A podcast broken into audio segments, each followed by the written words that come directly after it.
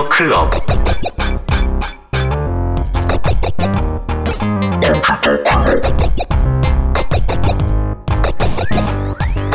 Computer Club. Hey Smolly. Ja, zeg, ik ga dan vertrekken voor een paar weken naar Zuid-Korea. En ik weet het, Smolly, dat gaat raar zijn. Dat gaat raar zijn voor u, dat gaat raar zijn voor mij. Zo geen podcast samen opnemen. Nu, ik heb wel opinies klaargelegd voor u in de frigo. Er komt ook iemand langs wekelijks met leuke weetjes. En ik heb met uw dochters geregeld dat zij voortdurend gaan onderbreken, zoals dat ik dat ook zou doen. Eh, Ik ga ook, zoals beloofd, wat indrukken proberen opdoen van Zuid-Korea. Zuid-Korea dat vooral als technologieland, alsof dat je daarbij zijt, Smolly. Nu, voorlopig ziet dat er hier nog vrij hetzelfde uit, ook qua technologie. Hier op de luchthaven, schermen met vluchten op, het geluid van een luidspreker. Ik heb zelf nog een papieren boarding pass, dus ja, zo hoogtechnologisch is dat hier toch vooralsnog niet. Eh, baby, noemt die, eh, die plek hier? Nee, gast, we zijn nog altijd in Zaventem, hè? Ja, oei. Ja, Smolly, ik eh, breng verslag uit het moment dat iets boeiender wordt.11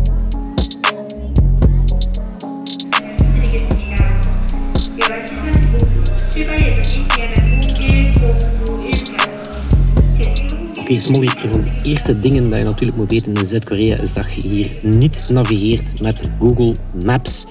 Als je Google Maps opent, dan ziet je wel de kaarten, maar het is allemaal heel beperkt qua navigatie. Je krijgt bijvoorbeeld geen instructies waar dat je naartoe moet rijden of wandelen. Wat de reden daartoe is, dat Korea geen toegang geeft aan buitenlandse bedrijven, eh, geen toegang tot hun eigen kaarten, aangezien dat ja, Zuid-Korea het land eh, in principe, of ja, nog altijd in staat van oorlog is met Noord-Korea.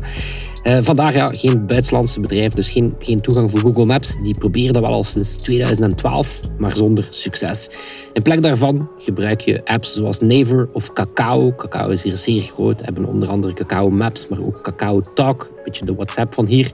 Eh, maar dus die apps ja, die hebben wel toegang tot die kaarten, maar die moeten die kaarten dan tegelijkertijd wel gaan censureren. Als je bijvoorbeeld op Kakao Maps dus een satellietbeeld gaat opzoeken van de presidentswoning, dan ga je daar vooral bomen zien en geen president.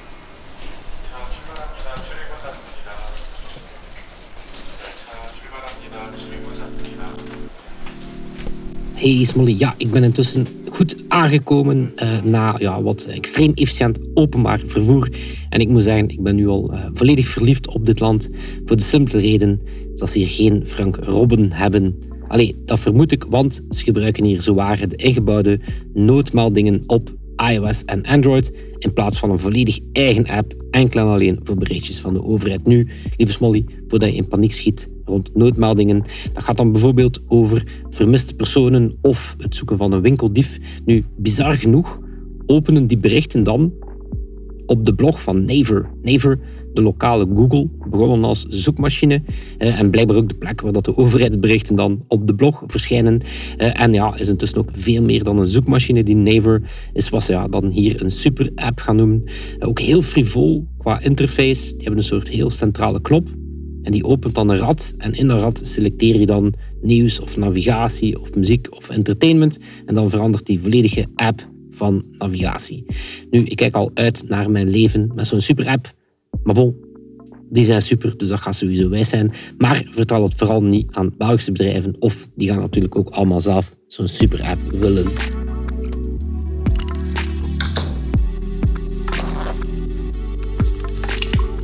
Sorry, Molly, en sorry ook aan alle luisteraars, maar ja, ik kan geen aflevering doen over Koreaanse technologie zonder het kroonjuweel van de lokale technologie, namelijk het, eh, het eh, luxueuze, hoogtechnologische toilet. Nu, bij het neerzetten bijvoorbeeld wordt die bril meteen verwarmd, zeer comfortabel, als een soort koning of koningin op uw troon. Ehm, ja, tal van voorkeuren die ik ook kan instellen rond positionering, temperatuur. Ik heb natuurlijk nog geen flauw idee van wat mijn voorkeuren zijn.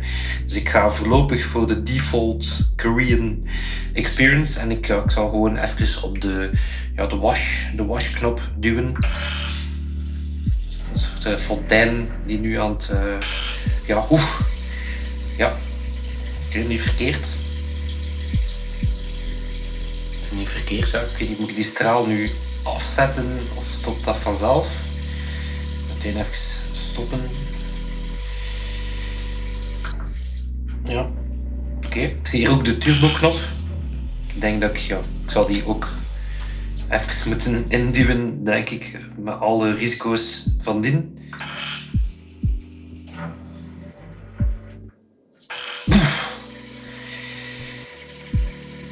Ja, ook niet verkeerd. Ook niet verkeerd, toch even stoppen. Ja, het is uh, wel degelijk een ja, totaal ervaring. Oef, nog een kleine epiloog aan deze, dit segment. Ik zie hier ook een dry-knop, dus er zit hier ook een soort uh, haardroger in verscholen. Ik zal die ook maar even aanzetten. Ja, het is toch een totale ja, end-to-end experience, zou ik zeggen. Uh, weinig dat ik hier uh, zelf moet doen. Het volledige plaatje wordt eigenlijk voor zijn rekening genomen.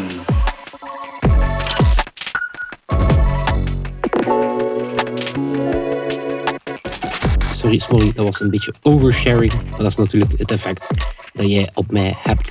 Ik ga terug wat meer het thema van de podcast proberen blijven. Ik zal eens iets zeggen over smartphones, want ja, zowaar, wat zie je hier wel degelijk in het straatbeeld? Foldables, foldables en flipphones ja, van die telefoons met een, uh, met een geplooid scherm.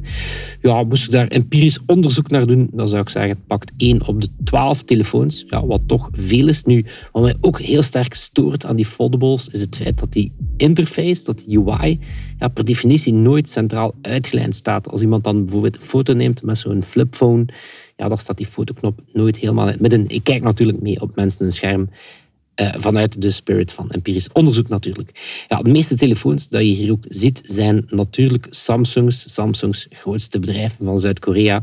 Uh, ja, andere iPhone-gebruikers die vind je hier niet heel vaak. Dus als ik er eentje tegenkom, dan, uh, ja, dan doe ik zo'n beetje die gif van Zak Galifianakis, die zo instemmend knikt naar een fellow iPhone-gebruiker. Maar niemand knikt natuurlijk ooit terug, want mensen zijn hier heel gereserveerd het is uh, zeer lastig voor mij, Smolly. Nu, over schermen gesproken, er zijn er hier zeer veel. Quasi elk reclamebord is basically een scherm, maar bijvoorbeeld ook in restaurants gebruiken als schermen om te bestellen. Of elke bankautomaat die staat vol met uh, kleurenschermen en zo. En dan ben je al snel afgeleid. Uh, dan ben je aan het wachten om je pincode in te geven, maar dan ben je eigenlijk naar een reclame aan het kijken.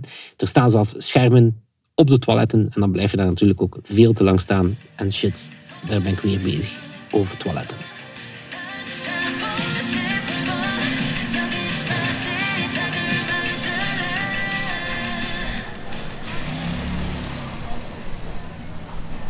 Straat rondlopen in grote steden zoals Seoul of Busan dat is een beetje zoals rondlopen in een cyberpunk boek of game of film. Het hangt hier echt vol met logo's van grote corpo's, van grote bedrijven. Nu, ik hoor je denken, Smolly, ja, dat is toch ook bij ons in het straatbeeld. Uh, ja, maar het gaat hier wel echt om een handvol megabedrijven. Bijvoorbeeld Lotte, dat is het uh, bedrijf waar, onder andere, waar we onder andere ons hotel op dit moment bij geboekt hebben. Ja, die Lotte die hebben behalve hotels ook supermarkten, cinema's, pretparken, winkelcentra, maar is ook bijvoorbeeld een grote IT-dienstenleverancier. Ze hebben ook een soort oplaadbaar betaalsysteem, waarbij je dan cash op je kaart kan zetten en met die kaart overal kan betalen, onder andere ook op het openbaar vervoer. Uh, en die Lotte is ja, wat ze dan een Chable noemen. Een Chable noemen, dat is een uh, heel groot familiebedrijf die tal van activiteiten doet. En wat ook heel typisch is aan die Chables, is dat ze ja, een beetje boven de wet staan. Ze, ze opereren een beetje in een schemerzone waarbij dat de overheid ook niet heel veel te zeggen heeft over hen. Andere bekende Chables uh, in die top 5, ja, die kennen we onder andere ook als Hyundai, of meer een thema van deze podcast, LG, en natuurlijk de allergrootste Samsung. En effectief ooit een aflevering gedaan over J.Y. Lee, de zoon van de Samsung-familie, van de, van de Lee-familie, de familie achter de Samsung-groep, wordt ook wel de prins van Samsung genoemd. Ja, die zat zowaar in de bak, wat uh, heel weinig gebeurt hier. Maar een paar maanden geleden is die effectief ook ja, vrijgesproken, heeft een pardon gekregen van niemand minder dan de president. Dus die J.Y. Lee die is nu uit de bak en die zit alweer achter zijn Samsung-bureautje.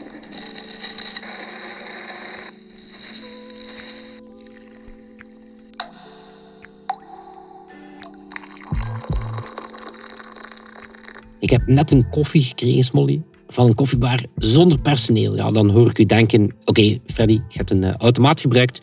Dat is technisch gezien waar, maar het was wel een heel zotte automaat. Het was een uh, robotarm, een beetje een robo-barista, die alle bewegingen van zo'n barista doet, maar dan volledig uh, gerobotiseerd. Nu, ik zou liegen, Smolly, moest ik zeggen dat dat hier de norm is, dat soort uh, robo-koffiebaars.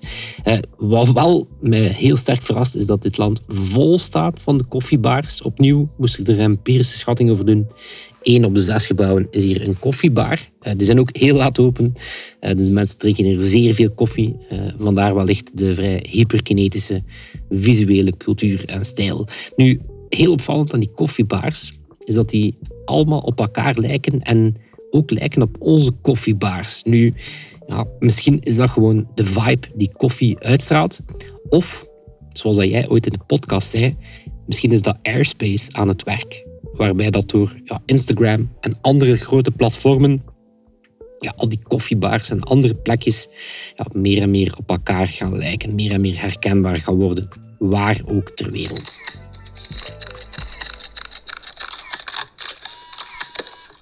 Ja, het land staat behalve vol met koffiebars, ook vol met fotostudio's. Ja, plekken waar je dan ja, samen met je wolfpack, eh, samen met je gang, allerlei selfies kan gaan nemen. Of, zoals dat hier ook soms genoemd wordt, selpics. Uh, leuk aan die fotostudio's is dat ze ja, behalve zo, een fotoprinter, waarbij je dan uh, ja, je, je fotootjes meekrijgt, uh, ja, hangen die ook vol met attributen als een soort ja, real-life Snapchat filters. En dan niet zo van die attributen zoals op een generische trui uit 2012 met zo'n vals snorretje. Nee, echt zo full-on Pokémon kostuums enzovoort.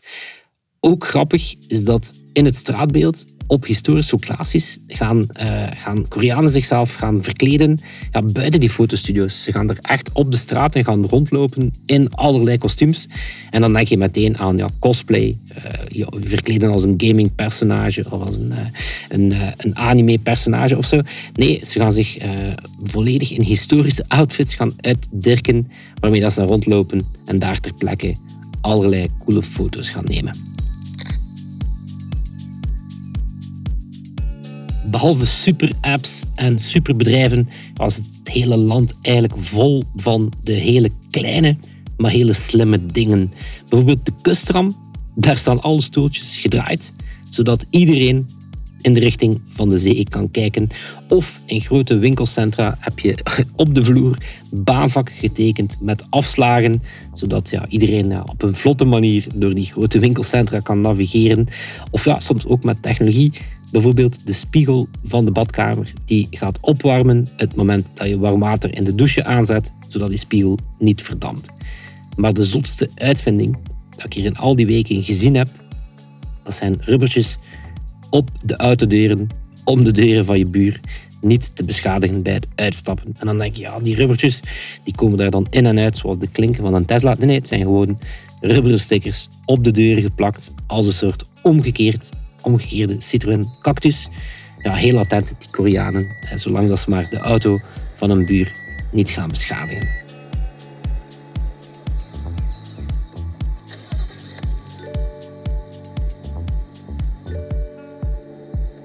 Zo, lieve Smolly, uh, zoals gezegd, het is hier een land vol technologie.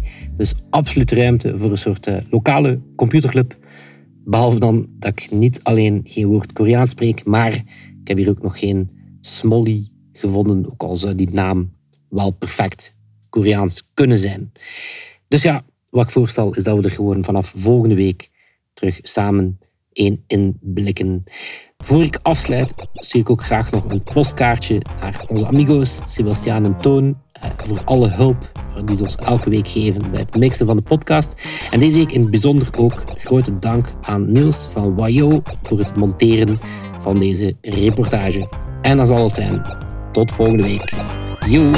Computer Club.